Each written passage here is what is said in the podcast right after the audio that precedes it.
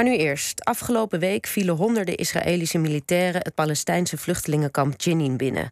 Twaalf mensen, onder wie vijf kinderen, kwamen om het leven en ruim honderden anderen raakten gewond. Het kamp op de westelijke Jordaan-oever werd al meerdere malen eerder binnengevallen door Israël. Wat is de geschiedenis van Jenin en hoe groeide het uit tot symbool van verzet of volgens Israël bolwerk van terrorisme?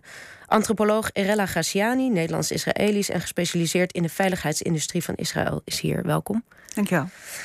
Ja, wat heeft het Israëlische leger precies gedaan in Jenin de afgelopen week? Um, ja, er is dus een, inval, een grote inval geweest. Um, waarbij eigenlijk twee dagen lang Israëlische militairen in het kamp waren. Um, en wat er gebeurd is, is dat uh, nou, veel geweld gebruikt is. We zijn begonnen eigenlijk met luchtaanvallen, wat ook al ja, ook niet vaak gebeurt. Uh, toen zijn de troepen inge, zeg maar, Jenin binnengetrokken, het vluchtelingenkamp. En uh, ja, wat ze vooral gedaan hebben, is ja, mensen, mensen zijn gevlucht. Er is heel veel schade aangebracht. er is veel. Um, ja, geschut gebruikt, maar ook inderdaad veel uh, wegen en, en, woningen zijn, uh, zijn heel erg beschadigd. Uh, de infrastructuur, water, elektriciteit, echt. Er is een heel grote schade aangebracht aan, aan het kamp. En waardoor ja, duizenden mensen zijn gevlucht, moesten gevluchten uit hun huis. En dat, dat hebben we ook al op deze manier echt al heel lang niet gezien. Dus dat waren hele moeilijke beelden ook. En met welke rechtvaardiging zijn ze binnengevallen? Ja, met rechtvaardiging die eigenlijk Israël bijna altijd gebruikt bij militaire acties. En dat is, uh, er, komen, er zijn hier terroristen. We, we, targeten alleen maar uh, terroristen, alleen maar milities die, um, um, die aanslagen aan het voorbereiden zijn op Israël of aanslagen hebben gepleegd op, op Israëlische burgers. Uh, en dat is eigenlijk um, altijd ja, de, de, zeg de legitimatie die het Israëlische leger geeft voor dit soort acties. Want nu staat het, uh, is het een symbool van verzet voor de ene partij en een symbool van inderdaad terrorisme ja. voor, voor de andere partij. Was dat het altijd al? Ja, nou Jenin is eigenlijk wel een stad die altijd ja, in het. Um, uh, altijd gezien is door veel, veel uh, verschillende kanten in, in het verhaal uh, als, een, als een symbool van verzet, inderdaad. En nou, natuurlijk, dan, dat betekent voor Israël inderdaad dat het meteen een, de grote vijand is. Want de verzet is natuurlijk is, is, is, tegen Israël. en, maar eigenlijk, je ziet al eigenlijk vanaf het Britse mandaat. Hè, voordat Israël tot stand komt in 48, was er eerst was daar de Britten daar um, aardig wat jaren aan de, aan de macht. Uh, en tijdens die jaren, in de jaren dertig, waren er ook inderdaad, uh, uh, kwam er ook verzet vanuit stad Jenin, ook al tegen, tegen de Britten bijvoorbeeld. Dus je ziet dat er toen al echt een, een gevoel was van we moeten, hè, we, gaan tegen de buitenlandse bezetter in, in, in verzet. Um, en ook in, nou, toen, ja, toen was het dus onder Brits mandaat. Later, toen Israël in 48 um, ja, de onafhankelijkheid heeft, uh, van zichzelf heeft verklaard, uh, kwam het onder uh, Jordanees. Eigenlijk was, was Jordanië daar aan de macht.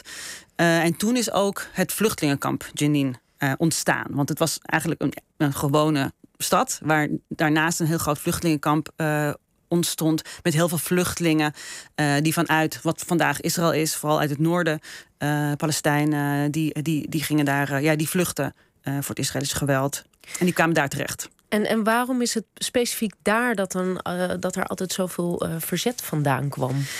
Ja, dat, dat, heeft, dat, ja, dat heeft natuurlijk veel, veel redenen. Het gaat er een beetje, dat, dat ligt er weer aan van, eh, als je die geschiedenis kent, inderdaad, er waren er altijd al net groeperingen die zeiden van die zichzelf organiseerden. En dat trekt dan ook weer andere groeperingen aan die zeggen van hé, hey, uh, wij hebben hier steun voor, uh, voor het soort van verzet dat wij, dat, dat, dat wij willen voeren. En dat is trouwens niet altijd gewelddadig verzet per se geweest.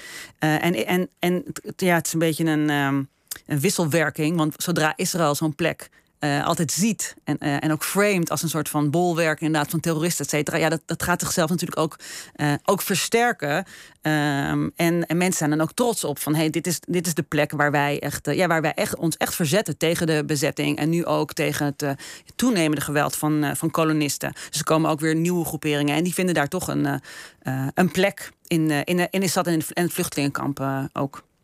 En uh, nu had je het dus over die stad die een kamp werd. En het is nu eigenlijk allebei. Het kamp groeit ook weer uit tot een stad. En... Ja, die is al zo lang eigenlijk. Ja, sinds 53 is het een vluchtelingenkamp. Maar het is voor de, voor de Palestijnen heel erg belangrijk dat, uh, dat het kamp nog steeds een status van een vluchtelingenkamp heeft. Om het, uh, om het vluchtelingenproblematiek, zeg maar, om die niet te gaan uh, normaliseren. Dus dat is, wel, dat is voor hen ook uh, wel belangrijk. Maar als je inderdaad daar rondloopt, is het een heel erg dicht bebouwde stad. Uh, inderdaad. Uh, ja, en ook belangrijk om te zeggen dat in uh, een van de redenen ook waarom het eh, steeds gebleven is, soort het verzet zo groot is gebleven, is ook dat in 2002 daar hele grote, 20 jaar geleden, hele grote aanval is geweest bij ja, operatie Defensive Shield van het Israëlische leger. Ja, want dat, daar doet dit heel erg aan denken. Um, dat was dus inderdaad 2002. Wat gebeurde er toen? Ja, nou goed, toen zijn er, dat was in de tijd van de, van de Tweede Intifada eigenlijk. Toen waren er veel aanslagen binnen Israël ook. Israël zei, nou, dat zijn veel mensen die uit Jenin komen. En die hebben toen een hele grote. Die zijn verschillende Palestijnse steden, die eigenlijk al deze steden vallen sinds de Oslo-akkoorden in 1993, vallen onder eigenlijk onder Palestijnse autoriteit. Uh, maar Israël is die grote steden toch ingevallen. En vooral Jenin. En die hebben daar echt tien dagen lang uh, met verschrikkelijk veel uh, soldaten en verschrikkelijk veel geweld huis gehouden. Met veel doden als gevolg. Ook aan de Israëlische kant trouwens veel soldaten. Omdat ja, de soldaten waren daar echt aanwezig. Um, dus, uh, dus ja, dus dat was een hele grote operatie. Ook weer onder het mom van, ja, hier komen terroristen vandaan. Maar dit had ook uh, meer, een, meer een politieke reden om, uh, om de Palestijnse autoriteit zeg maar, uh, in beweging te brengen. maar goed, het, het was en die een veel groter te zoeken van wat, wat mogen we eigenlijk? Ja, wat kunnen we, wat, ja precies. En wat, ja, dus het verschil is wel in grootte. Kijk, we, we zien, ja, het, het, heeft altijd wel een soort van, ja, je, je, denkt dan weer terug aan 2002. dat, dat Israëlische soldaten twee dagen daar waren geweest, waren in, in de vluchtelingenkamp waren. Maar inderdaad, zo groot was die operatie niet zoals toen. Toen was het echt uh, een verschrikking. En het is ook twintig jaar geleden. Dus ook de manier van oorlogsvoeren is enigszins veranderd. Ja, want toen werd het gezien als een, een voorbeeld van urban warfare. Uh, ja, klopt. Is het daar inderdaad begonnen? Uh, nou, toen is inderdaad Israël echt hele, heel veel ja, technieken ontwikkeld om in dat soort omstandigheden, dus ergens een heel erg dicht bebouwde plek, waar je dus van alle kanten wordt aangevallen, en je weet nooit van waar het komt. Uh, en daar hebben ze bepaalde, echt bepaalde technieken voor uh, ont, ja, ontwikkeld. En die, en die worden weer, en dat laat ik ook in mijn onderzoek zien, die worden weer, hè, die wetenschap, die technieken worden weer doorverkocht en gedeeld met andere landen, zoals in die tijd ook de Verenigde Staten.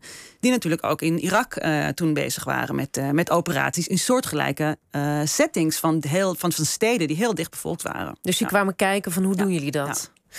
Um, nu zeg je, die methoden zijn nu veranderd. Wat is er grofweg veranderd? Is het inderdaad dat het nu meer luchtaanvallen uh, zijn? Nou ja, het feit inderdaad dat, de, dat, er, dat de luchtaanvallen zijn geweest, dat was, dat was al, uh, al nieuw. En dat, dat natuurlijk veel meer methoden zijn om inderdaad van de lucht met drones, et cetera, ook te kijken van hoe ziet het uit, waar zitten de mensen, et cetera. Die, die technologieën die zijn zeker door Israël op een hele, uh, ja, heel grote schaal zijn die echt vernieuwd en ontwikkeld. Ehm, maar ook inderdaad, als je kijkt naar, naar, naar, naar de naar wapens zelf en de tanks, et cetera, wat te doen. Toen, toen waren eigenlijk weinig, um, ja, weinig techniek. De tanks konden eigenlijk niet langs door de straatjes, et cetera. En wat Israëlische soldaten toen hebben gedaan, die zijn dus door de huizen, die hebben zichzelf door de huizen, door de muren heen geworsteld. En waardoor echt gewoon zo verschrik, op zo'n verschrikkelijke grote schaal eigenlijk uh, het hele kamp verwoest uh, werd. Uh, ook van binnen. Ja. En um, nu heeft de VN al gezegd dat het mogelijk uh, oorlogsmisdaden zijn. Zitten daar nog consequenties aan, denk je, voor Israël?